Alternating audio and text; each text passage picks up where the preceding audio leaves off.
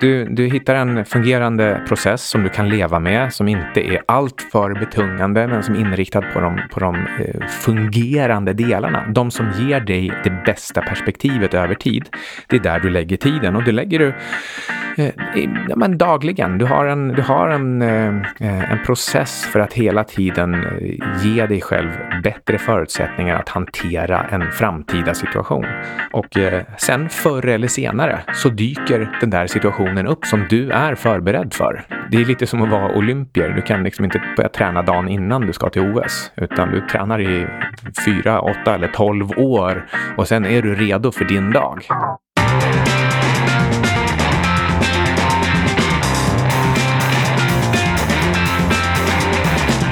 Du lyssnar på 25 minuter med Syding och Sundström och det är jag som är Syding. Och jag som är Sundström. Idag ska vi prata om hur perspektiv och rätt perspektiv kan vara en superkraft i livet och i investeringar.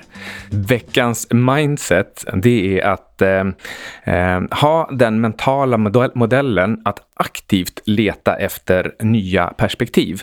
Och mer specifikt så gäller i investeringar att investeringar är inte bara pengar eller aktier utan eh, investeringar, själva konceptet handlar om prioriteringar och eh, beslut. Ja, och vi ska prata om många olika sorters idéer och beslut idag och försöka dra en röd tråd genom det.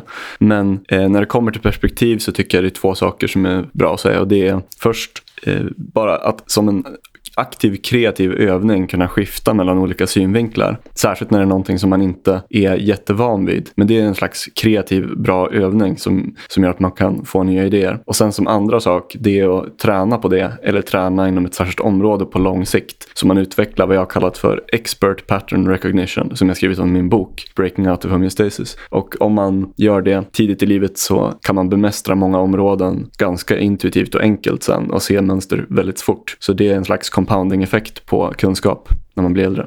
I förra avsnittet då pratade vi lite mer om eh, investeringar och sådana saker som eh, vi går igenom i eh, finanskursen.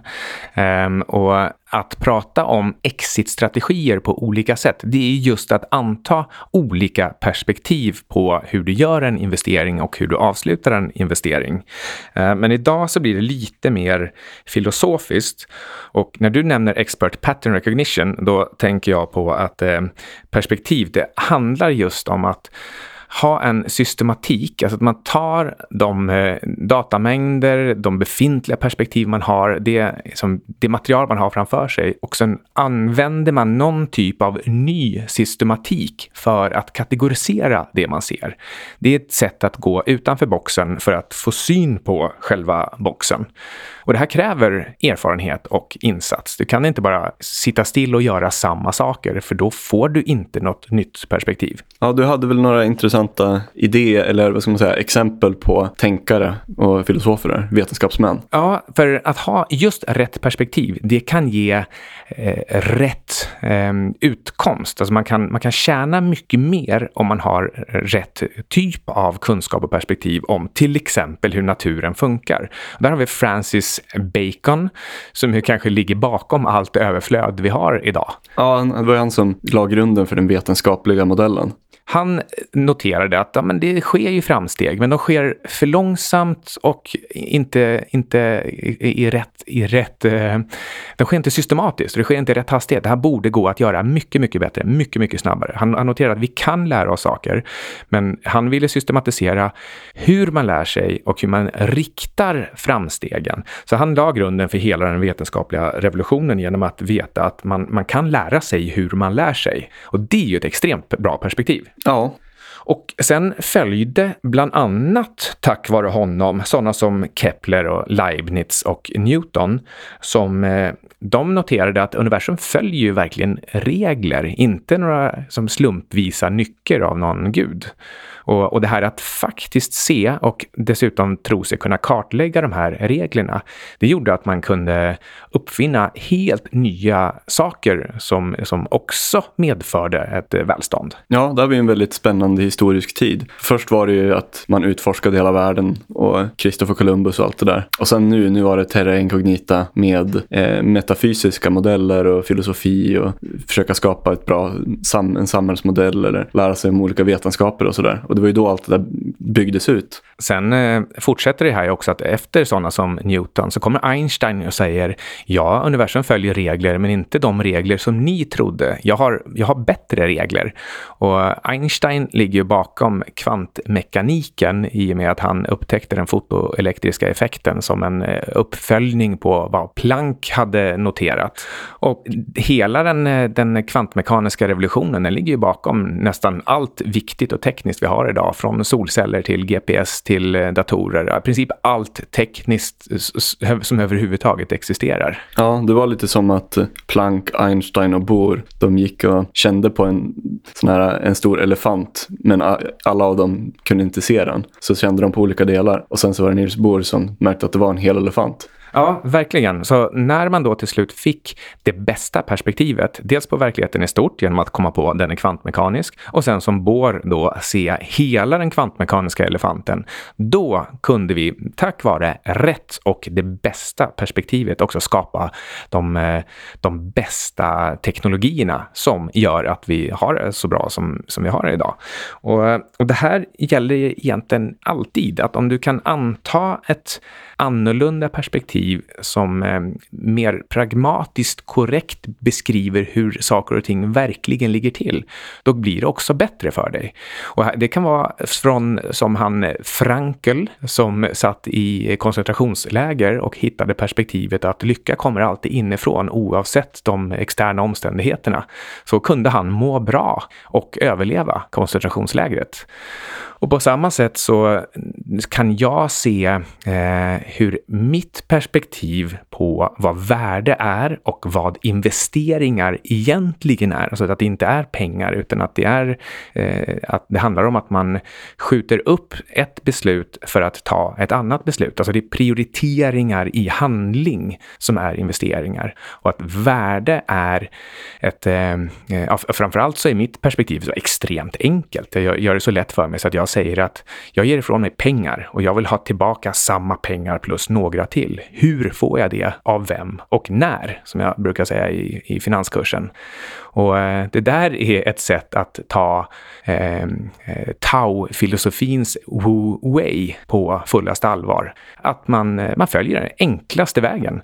Det, det, ska inte vara jobbigt. Man ska inte, man ska inte gå på tvärs mot allting och, och behöva anstränga sig, utan precis tvärtom så ska man bara vänta till man får en riktigt enkel pitch. Där det är enkelt att investera, det är då det är lätt. Ja, jag kommer att tänka på en, när du nämnde, en rolig sak när du nämnde Viktor Frankl där. Hans bok Man's Search of Meaning. Jag läste att den har sålt lika många upplagor som Hitlers Mein Kampf. Ja, en, en, kul. Eh, en bra, bra, revansch och bra perspektiv faktiskt på tillvaron. ja. Um. Men när vi pratar om det här med, med Wu Wei, då, ehm, alltså det är ett så himla viktigt koncept. Det här att ehm, att eh, ha fokus på rätt process och i rätt mängd, alltså en lagom mängd och inte överdriva. Mm, nej, alltså, du nämnde ju i förra avsnittet det här med knäckebrödsmiljonärer med FIRE och allt det där och jämförde dem med George Costanza som jobbar hårt för att inte jobba. Liksom. Ja, Ja, men jag kommer att tänka på att det, det är en bra analogi där med, alltså, även om man har det som mål, det skulle nog gå att göra det effektivare och roligare om man liksom satisficerade, eller som man säger på engelska, satisfies. Eh, att okej, okay, jag vill uppnå det här målet på, och det kommer ta tio år. Det kanske skulle vara effektivare och roligare att göra det på fem år istället, men göra det snabbare. Ja, det där är ju eh, verkligen ett typiskt exempel på perspektiv. Ibland är det lätt att ryckas med i samhällsströmningar eller eh, någon slags eh, grupptryck om att okej, okay, om, jag, om jag ska vara med i FIRE-rörelsen och sluta jobba tidigt, ja, men då ska jag vara den som firar mig själv allra först och allra mest extremast. Jag ska bara leva på knäckebröd nu och bara på knäckebröd efteråt och då kan jag gå i pension när jag är 32. Men, men har du verkligen uppfyllt vad du då egentligen ville? Är det där verkligen retirement? Det är ju inte det. Du är ju någon slags knäckebrödsarbetare då. ja, nej men som jag menar där, det, alltså, om man bara säger att de har något särskilt mål på, på typ tio år, då skulle, man, då skulle man kunna tänka istället för att säga att det ska ta tio år, man ska spara sig och så mycket jättehög sparkvot varje månad. Tänk om man kan uppnå så här 80 procent av det på 20 procent av tiden. Det kan man kanske inte göra i det här fallet, men det är ett kreativt sätt att tänka på det och sen så kan man ofta få någon idé om hur man kan göra det. 80-20-regeln alternativt 50-5-regeln gäller ganska ofta för många olika saker och då är 50-5 rätt extremt. Att du kanske kan få halva resultatet på 5 procent av tiden om du verkligen tänker kreativt. Jag är den eh, första att säga att eh, uppförsbacke ger starka ben. Och det är mitt perspektiv på att eh, om man har lite, lite motvind uppförsbacke, om man, om man tvingas anstränga sig lite grann på grund av hur omvärlden ser ut, ja men då härdas man också. Man lär sig någonting, man får ett perspektiv, man blir bättre och man blir bättre rustad för framtiden. Så liksom, uppförsbacke, det är bra, men så ska allting ske i, i rimliga mått också. Bara fått uppförsbacke är bra så behöver man inte liksom, försöka klättra upp för en, en, en lodrät eh, vägg. Och, och, och, det är här, det här konceptet Wu Wei som är, faktiskt är fantastiskt viktigt. Alltså det, vad det ungefär kan översättas med, det är oforcerad handling. Det är att eh, eh, utgå från de förutsättningar som faktiskt finns och gör, handla i enlighet med de förutsättningar som, som är där. Ja, du kan också liksom anstränga dig lite extra eller försöka tweaka omständigheterna, men det, men det är fortfarande handlar om att eh, invänta till att läget passar dig och din kompetens. Och så agerar du i naturlig samklang med variablerna och förutsättningarna som du faktiskt har. Det är oforcerad handling. Det är att vänta på den där riktigt feta investeringspitchen och, och därmed göra eh, avkastningen enkel. Ja, det, det där är intressant för att det, om man ser på det från ett investeringsperspektiv, liksom, om man sitter och arbetar med att hålla på och analysera aktier eller kolla saker sådär, då är det opti det optimala vore ju om man bara kunde ha ett lugnt och objektivt helhetsperspektiv. Men på grund av mänsklig psykologi så blir det ju lätt så att det går i vågor och man fastnar i så feedback-loopar och blir lite, inte beroende, men man liksom håller på och läser om, om någonting alldeles för mycket och fastnar i det och ska hålla på och hänga med nyheterna så en timme varje dag och ja, kolla på kursrörelser och sådär.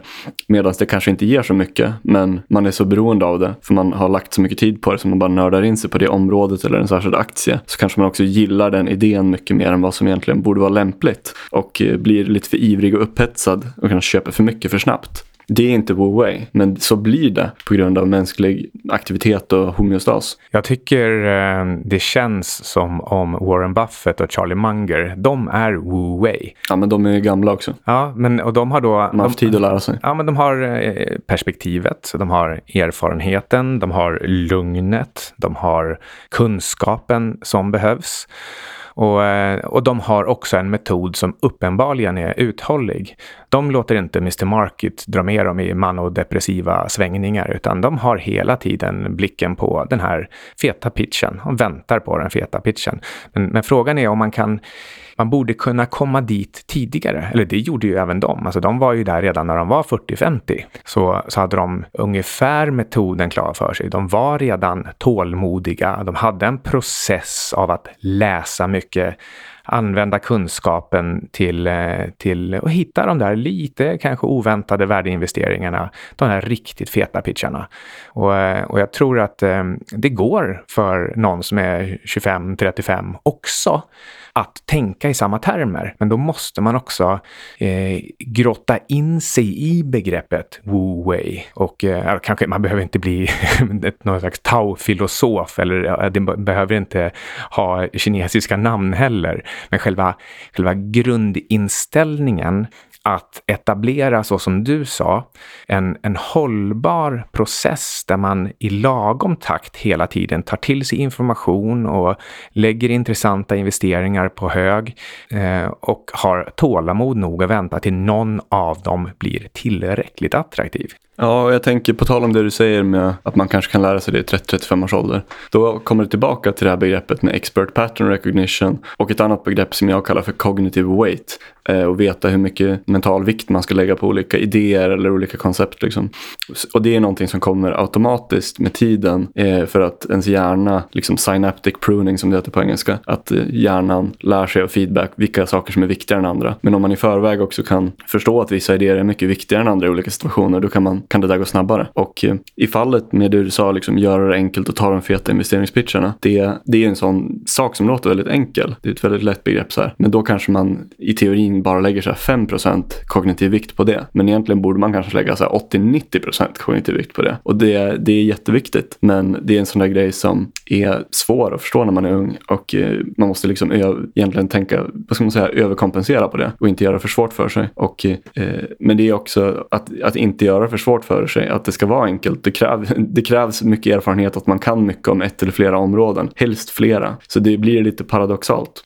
Det är tyvärr eh, lättare att känna sig aktiv som ung om man håller på och stirrar på kursgrafer och, och tradar och handlar hundra olika instrument och in och ut flera gånger per dag.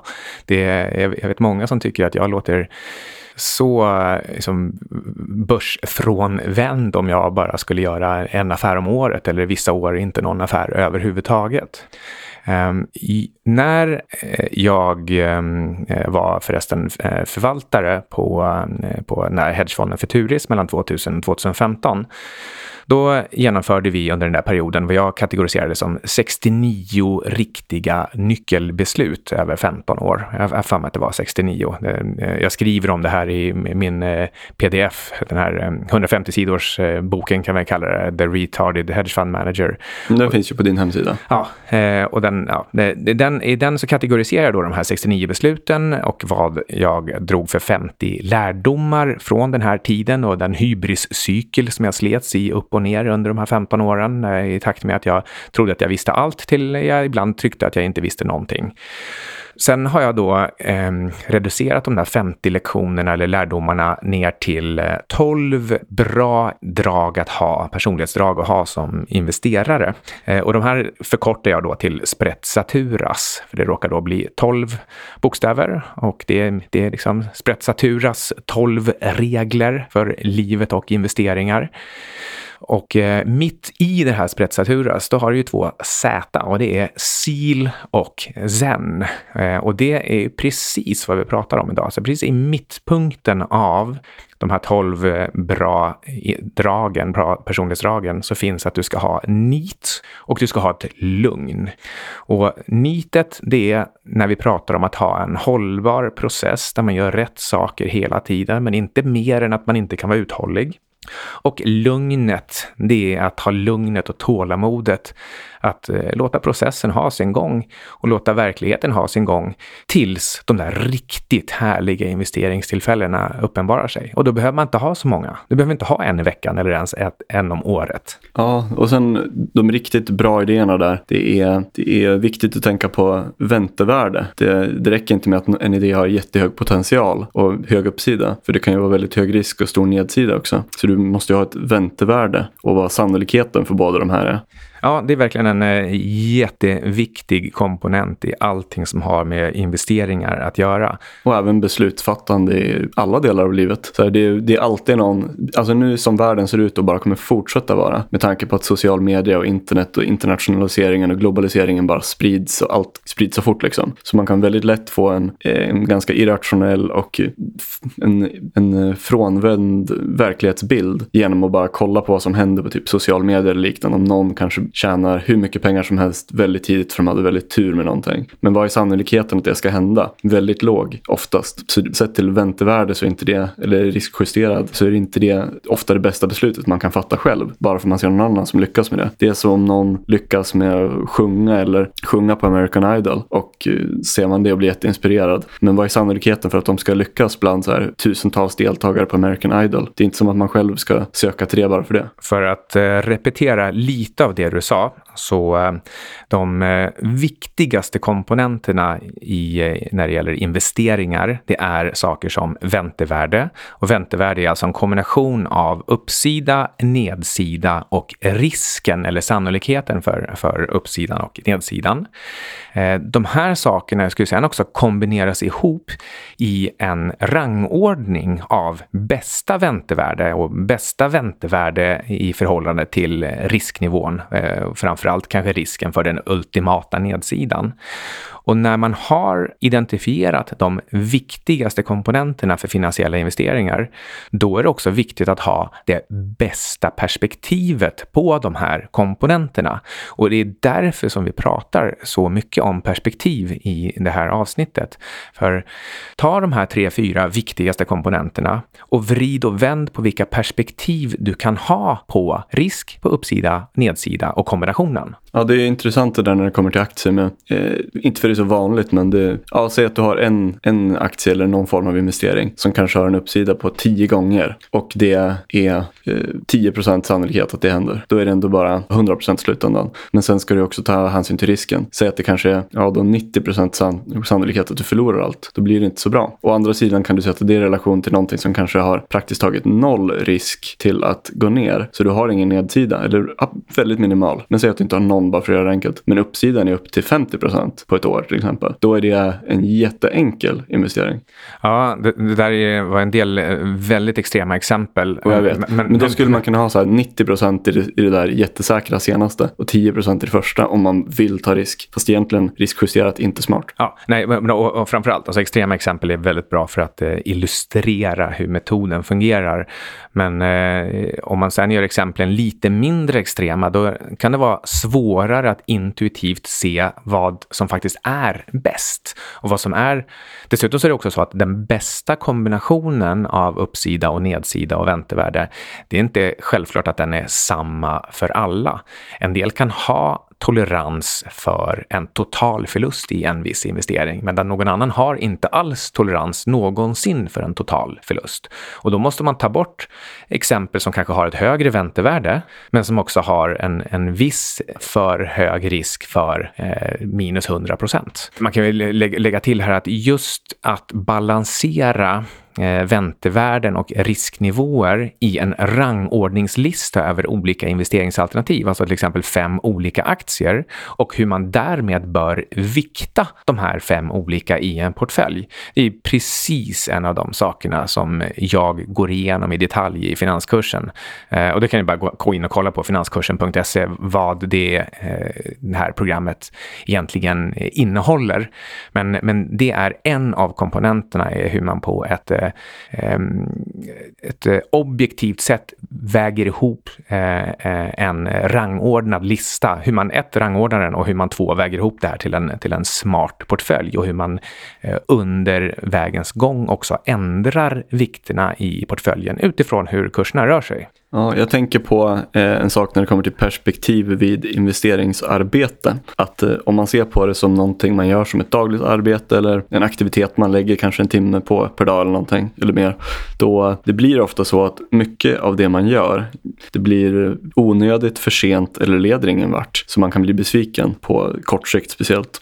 Eh, så det är ofta som att det är en väldigt ojämn fördelning mellan arbetet man gör och belöningen man får. Ibland så händer det typ ingenting eller man bara får ingenting någonting för, för sin tid. Och ibland så händer det jättemycket saker på kort tid. Eh, ibland förtjänt men ofta oförtjänt. Så det är en ganska konstig korrelation mellan arbetetiden man lägger ner. Och eh, jag tycker det är bra att tänka långsiktigt där. Att eh, försöka se det som en långsiktig process. Så man lär sig någonting. Man kanske lyckas memorera ett nytt bra bolag varje vecka. Så man kommer ihåg på lång sikt. Ja, alltså, lär sig mer om en bransch. Liksom. Ja, investeringar lämpar sig verkligen inte för att vara reaktiv och försöka hinna med och göra saker precis precis när de händer. Tvärtom, när sådana här saker som vi pratade om eh, i var det förra avsnittet, vi nämnde Evergrande till exempel. Mm när, när sådana saker händer eller när uranbolagen plötsligt går flera hundra procent, att då reagera och tro att man ska försöka haka på det som händer utan att ha någon förkunskap, det är verkligen att sätta upp sig för en, för en, eh, ja, en katastrof, finansiell katastrof.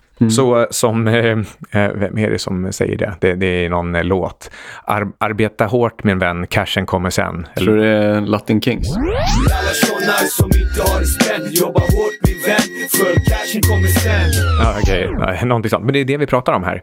Du, du hittar en fungerande process som du kan leva med, som inte är alltför betungande, men som är inriktad på de, på de eh, fungerande delarna. De som ger dig det bästa perspektivet över tid. Det är där du lägger tiden och det lägger du Eh, ja, men dagligen. Du har, en, du har en, eh, eh, en process för att hela tiden ge dig själv bättre förutsättningar att hantera en framtida situation.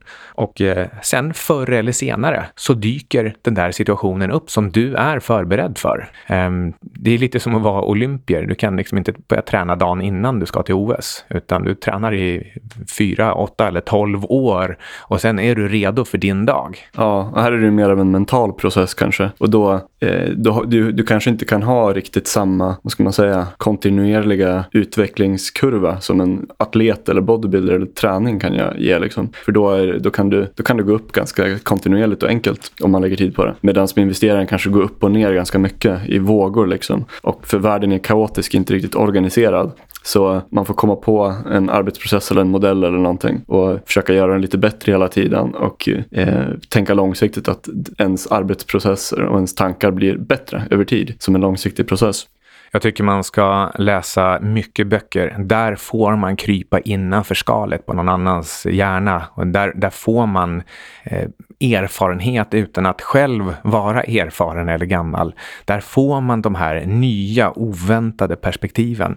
När till exempel om man läser Dow of Capital av, av Mark Spitznagel så kan man förstå vikten av att eh, hur, hur, förluster kan vara det som gör att du eh, lär dig att, att vinna eller att, att älska förluster genom att snabbt ta stopplosser enligt ett, ett visst schema som han gör i sin tradingstrategi. Det är det som är själva, själva basen för vinsterna. En annan är den här How an Economy Grows and Why It Crashes med Peter Schiff som, som ger perspektiv på vad värdeskapande faktiskt är.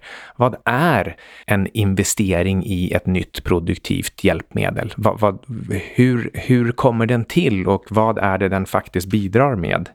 Um, eller the most important thing som råkar vara, jag tror att det är 19 most important things som eh, Howard Marks drar i sin fantastiska bok om vad det viktigaste att ha i åtanke är på marknaden. Ja, det är jättebra böcker. Och jag, jag rekommenderar också den här Modern Money Masters av John Train. Det tycker jag är den bästa investeringsboken. Ja, men så de slutliga tipsen här kanske när det gäller perspektiv för finansiella investeringar, det är att tänka långsiktigt och tänka systematiskt. Ja, man ska tänka sig att man liksom bygger ett litet investeringssystem som passar, passar en själv och att man bygger på det lite varje dag. Det ska gärna vara ett ramverk som gör att det blir lätt att lägga till någonting nytt, typ en ny informationskälla eller eh, att man har tydliga kategorier strategier som man gillar så man kan jämföra olika tillgångar eller aktier. Eh, det är bra, men det tar ju lång tid att komma på det. Så man kan ju tänka sig som att man bygger en bil på lång sikt. Det tar lång tid att bygga den där bilen, men sen så kan man köra snabbare och komma fram snabbare när man väl byggt bilen. Och då blir det lättare. Då ja. blir det mer woo-way. Ja, och, och, eh, jag har ju ägnat min 30-åriga eh, finanskarriär i princip åt att hela tiden